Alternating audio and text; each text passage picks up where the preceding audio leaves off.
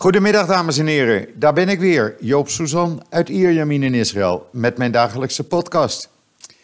Ja, dagelijkse podcast, dus ook uh, vandaag, woensdag, in Nederland en andere landen uh, eerste kerstdag.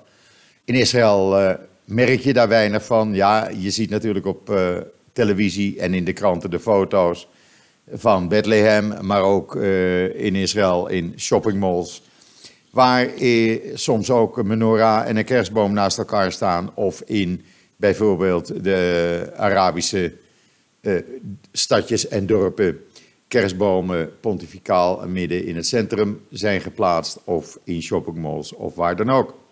Maar voor de rest, ja, eh, wij doen aan Hanukkah hier in Israël. En dat betekent dat veel mensen natuurlijk wel vrij zijn. Maar ja, want de kinderen zijn vrij natuurlijk. Uh, maar ja, uh, uh, voor de rest merk je weinig van kerstmis en meer van Hanukkah. En het enige wat ik merk van kerstmis is de top 2000, want die heb ik natuurlijk aanstaan. Ja, nu even niet. Maar ja, constant eigenlijk. ik vind dat een jaarlijkse traditie. Die hoort bij het einde van het jaar. dus ook nu staat hij weer aan, een groot gedeelte van de dag. En dat vind ik altijd wel leuk, een beetje op de achtergrond. En dan het weer. Ja, nou, de winter is weer terug. Na een uh, ruime week uh, van hoge temperaturen, boven de 20 graden en zon elke dag, is het nu echt uh, storm, windkracht 7, met uitschieters tot windkracht 8 aan de kust. En het nadeel is, en dat, dat, dat, daar dacht ik gelijk aan toen ik het las, en ik heb er ook een foto van op mijn timeline in Twitter gezet. De, de wind komt uit het zuidwesten en dat betekent dat de, wind, de lucht komt er, zeg maar, uit de richting van Egypte. En die is enorm vervuild en dat merk je aan je keel als je buiten loopt. Je ruikt het ook en je ziet het ook. En, en hij is vervuild met allerlei stoffen en, en, en ja, van alles en nog wat zit erin. En toen dacht ik van, hé, hey, in Nederland uh, is die klimaatdiscussie zo erg aan de gang. Maar ja, daar wordt geen rekening mee gehouden met het feit dat als, het, ja, als, de, als de wind bij de buren vandaan komt, dan kan je wel nog zoveel aan het klimaat doen, maar je krijgt je lucht niet schoon als het bij de buren ook niet schoon is. En dat is toch een dingetje, dacht ik, om over na te denken. Want hoe los je dat op? Dat kan je alleen maar oplossen door het feit uh, dat iedereen, elk land ter wereld, dan dezelfde maatregelen neemt. Want als je dat als enkel land doet, zoals Nederland dus. Uh, daar nu mee bezig is, want ik volg dat natuurlijk in de, in de media, ja, dan, dan gaat dat niet helemaal uh, werken zoals men zegt dat het gaat werken. Want die vervuilde lucht uit bijvoorbeeld Duitsland of Polen, die komt bij oostelijke wind dan gewoon Nederland in. En dan kan je wel zeggen, ja, we moeten het stikstofprobleem oplossen. Uh, Prima, moet ook gebeuren. Ben ik helemaal voor. Maar dan moet het ook bij de buren gebeuren, want als de buren het niet doen, dan los je eigenlijk weinig op. Maar goed, uh, ja, uh, ik merk het nu hoe dat is in de praktijk. En het is toch iets anders dan, uh, dan men zich in Nederland laat voorspiegelen, denk ik zomaar. En nu we het toch over Nederland hebben, ik ben eigenlijk een beetje geschrokken gisteren. En dat meen ik echt. Uh, gisteren verscheen in Israël in het nieuws een rapport van NGO Monitor, een uh, onderzoeksbureau van Gerard, Steinberg. Als u mij volgt op uh, Twitter, dan ziet u regelmatig dat ik rapporten van hun retweet of ook op JoodsNL zetten we die neer. En het blijkt dat Nederland een van de landen is, samen met Zwitserland, Zweden, Denemarken, Noorwegen en Frankrijk, die allerlei NGO's gefinancierd hebben, die uh, ja, uiteindelijk het uh, internationaal strafhof in Den Haag uh, hebben gepusht om Israël te gaan aanklagen wegens, of onderzoek te gaan doen wegens vermeende oorlogsmisdaden in de Westbank, Oost-Jeruzalem, de Golan en in Gaza. En wat blijkt uit dit onderzoek wat NGO Monitor heeft gedaan. Dat de EU uh, in 2017 tot, 2000, tot eind dit jaar eigenlijk 450.000 euro heeft gegeven aan de organisatie El Mezan. En Nederland daar nog eens een extraatje bij deed van 200.000 euro. En dat, uh, die NGO die houdt zich bezig met bijdragen aan de handhaving van de internationale mensenrechtenmechanismen. Uh, en dat is een van haar doelstellingen, zeiden zij in het contract met Nederland. Zo staat dat omschreven. En wat doen ze dan? Nou, uh, het internationale mensenrechtmechanisme. Wat bedoelen ze daarmee? Dat zijn dus campagnes uh, tegen Israël. En ze werken ook samen met andere internationale juridische instanties om arrestatiebevelen tegen Israëlische functionarissen uitgevaardigd te krijgen bij het ICC. En daar gaat uw belastinggeld dus naartoe. Maar daar houdt het niet mee op. Van 2014 tot 2017 hebben de regeringen van Zweden, Zwitserland, Denemarken en Nederland het Secretariaat voor Mensenrechten en Internationaal Humanitair Recht gefinancierd. En dat is weer een, uh, een club die uh, ondersteunt huidige en toekomstige documentatie en onderzoeken door maatschappelijke uh, organisaties om te helpen en het geven van ondersteuning voor nationale en internationale mechanismen. En wat hebben zij met dat geld gedaan? Nou, daar hebben ze verschillende linkse NGO's, NGO's in Israël mee gefinancierd, waaronder Betsalem. Nou heb ik niks tegen linkse NGO's. Iedereen moet doen wat hij zelf vindt. Maar Betsalem, uh, dat is een organisatie die zich alleen maar bezighoudt met als doelstelling zoveel mogelijk Israël in discrediet te brengen. En hoe heeft Betsalem die, uh, dat geld ontvangen? Dat hebben ze ontvangen via het Nederlandse kantoor in Ramallah. U weet, de, we hebben in Israël de Nederlandse ambassade. En dan is er in Ramallah, ja, een onofficiële ambassade noem ik het altijd maar. Omdat uh, er bestaat geen staat Palestina, althans niet erkend. En dus hebben ze een kantoor met een uh, gevolmachtigde, zullen we maar zeggen. En zo is dat geld naar Betsalem gekomen. Maar daarnaast, want we zijn er nog niet, Nederland financierde ook een uh, rapport over de rol van het Israëlische Hoge Rechtshof bij de vele onderzoeken, onderzoeken die ze deden naar extreem linkse NGO's zoals Betsalem. Uh, ja, dan denk ik, uh, waar is Nederland mee bezig? Nou, ik had dat nog niet gedacht. Of er kwam nog meer boven water bij NGO Monitor, want Nederland heeft ook de Israëlische NGO Yes Din gefinancierd met 160.930 euro in 2018.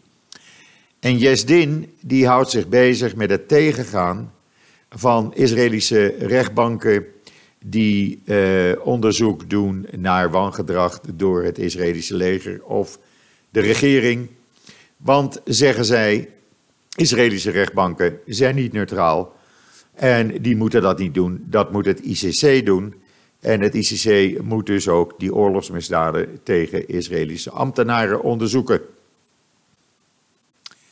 En daar werkt dus Nederland aan mee. Daar gaat uw belastinggeld naartoe. Het is maar dat u het weet. Ik ben daar zeer teleurgesteld over. Uh, natuurlijk, het staat elk land vrij om een organisatie te, te steunen uh, die uh, waarschijnlijk wandaden aan of misstanden naar buiten brengt.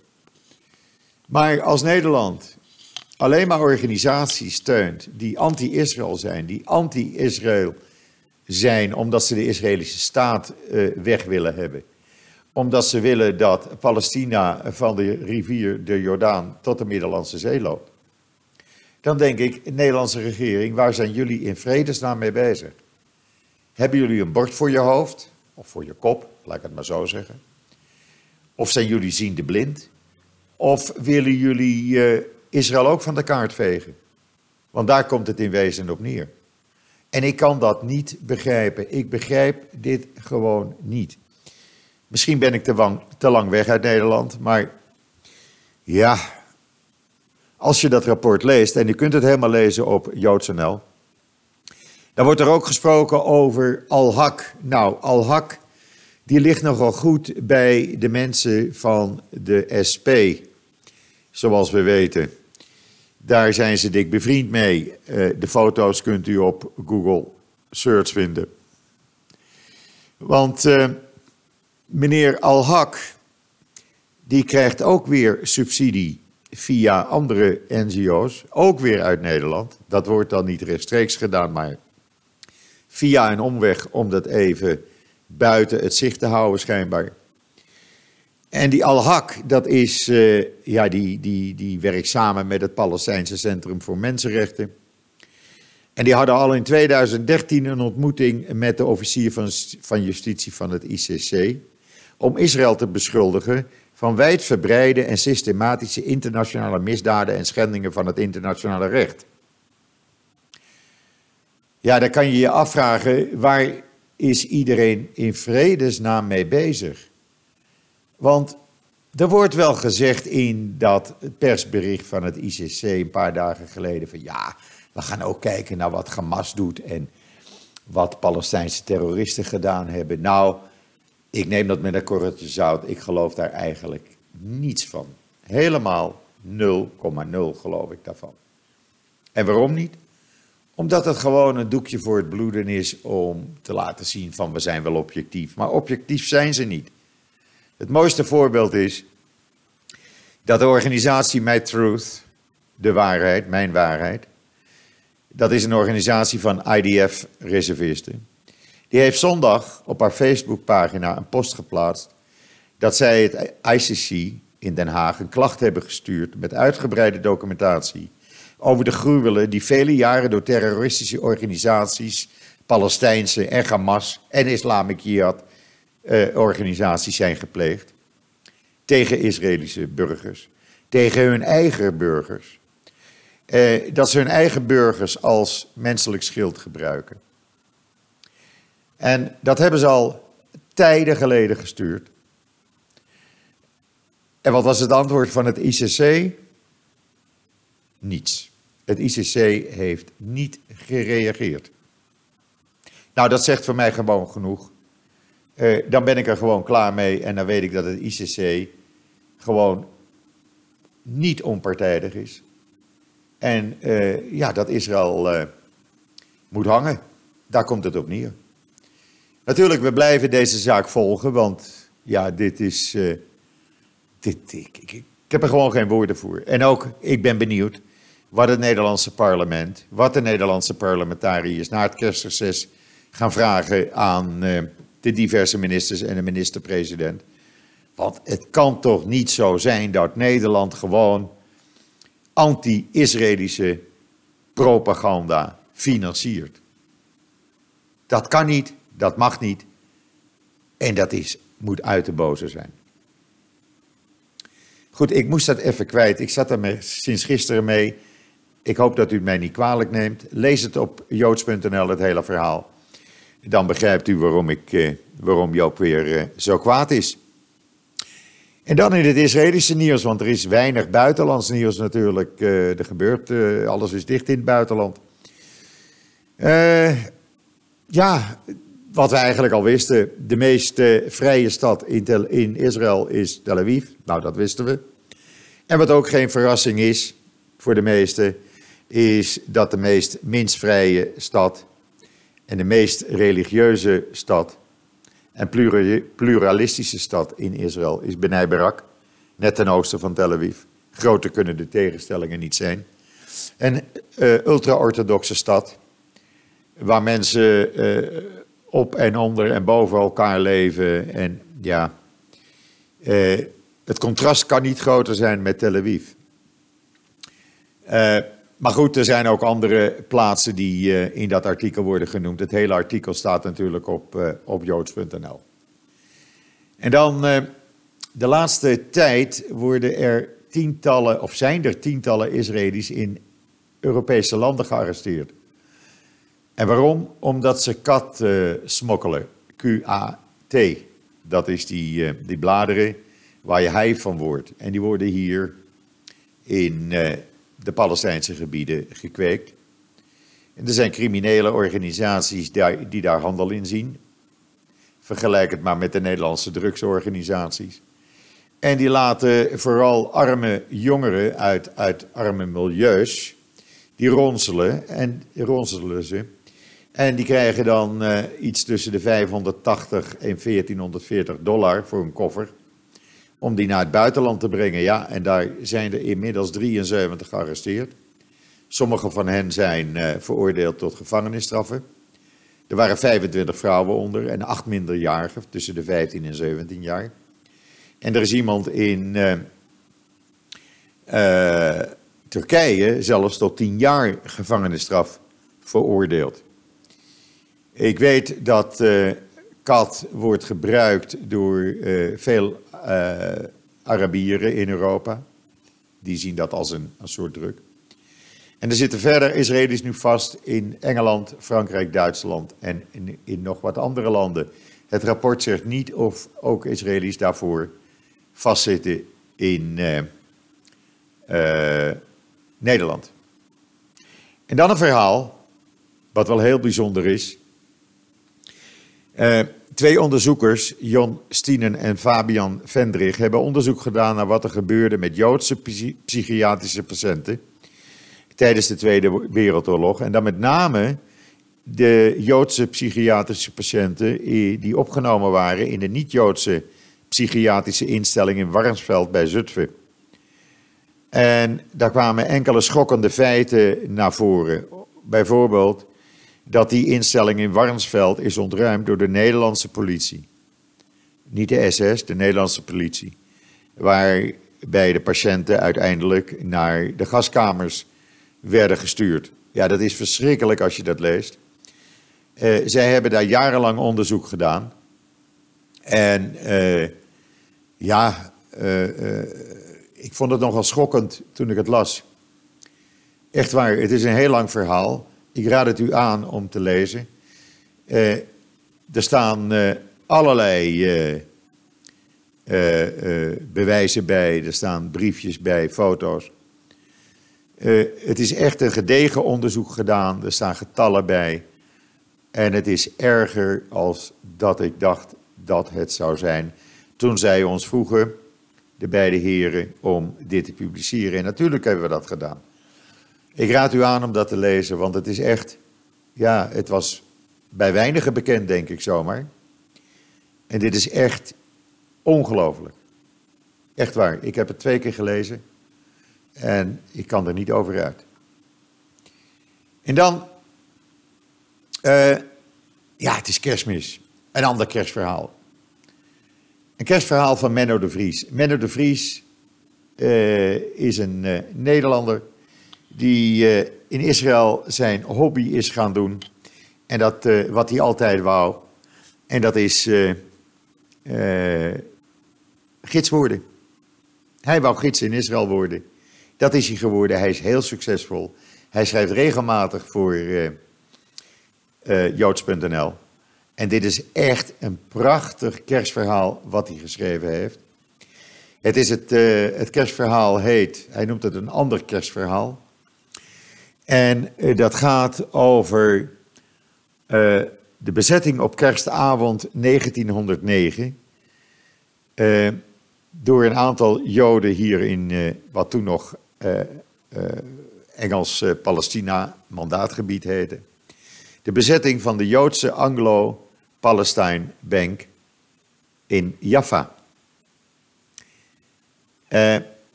Want wat wilden zij? Zij wilden een Jaffa voor de Joden bouwen. En dat, ja, daar stond die directeur met zijn gebouw in de weg. Het gebouw staat er trouwens nog steeds. Maar dat is een ander verhaal. Het is een bijzonder verhaal wat Menno heeft uh, gevonden. Hij heeft het zelf uitgezocht. Hij heeft ook de bewijzen erbij gedaan. Hoe het gegaan is. Alle documenten. U kunt het lezen op joods.nl. En ik zou het echt als de aanrader van vandaag presenteren. Echt waar. Ik vind het een mooi verhaal. En dan de ander verhaal. Want wij dachten bij JoodsNL, ja, u heeft weinig te doen, dus ga maar lekker lezen. Het laat zich lezen als een thriller. En het is het verhaal van een top Mossad-spion die bevriend raakte met zijn terroristische doelwit en hem toen vermoordde. Ik ga niet het hele verhaal vertellen. Ik ga u alleen zeggen, lees het, want het is echt bijzonder. En wie moest hij dan vermoorden? Dat was uh, het brein achter de aanslag uh, tijdens de Olympische Spelen in München in 1974, waarbij elf Israëlische sporters om het leven kwamen. Die werden bruut vermoord. En het brein moest natuurlijk gevonden worden, is ook gevonden. En moest uit de weg geruimd worden. Hoe dat gegaan is, beschrijft dit verhaal, een lang verhaal. En hoe komen wij daarbij? Nou, het was maandagavond op de Israëlische televisie. En daar werd uh, deze man, deze voormalige spion, uh, vertelde zijn verhaal. Onherkenbaar, want hij is geen spion meer en leeft een normaal leven. Maar ja, wel bijzonder natuurlijk. Dus een aanrader ook. En dan als laatste de opperbevelhebber van de IDF, de baas van de IDF. Die heeft vandaag tijdens een uh, bijeenkomst gezegd dat uh, Iran, dat is de grootste vijand op dit moment van Israël. En de IDF doet er alles aan om uh, ja, te zorgen dat Iran zijn macht niet uitbreidt en ze een toontje lager gaan zingen. Uh, hij bevestigt ook de aanvallen op de wapendepots uh, en wapentransporten van Iran in uh, Irak en Syrië. Ook dat verhaal ga ik niet helemaal aan u uitleggen, want u moet er tenslotte nog iets te lezen over hebben. Dus ik zou zeggen, lees dit verhaal ook maar, als u niets te doen heeft. Goed, dan, uh, dan rest mij nog een hele fijne voortzetting van deze eerste kerstdag toe te wensen. Wij gaan later uh, over een paar uurtjes weer de menorah aansteken. Dus wij hebben ook lichtjes in de huizen in Israël. Bij mij staat de menorah voor het raam, zoals het hoort, want het licht moet naar buiten schijnen. Het moet de wereld verlichten. En dat doe ik dan ook. Er rest mij u, uh, ja, ik zei het al, nog een hele fijne eerste kerstdag toe te wensen. Ga lekker eten vanavond. Doe waar u zin aan heeft. Luister de top 2000. Ik doe het. En wat mij betreft, zoals iedere dag, tot ziens. Tot morgen.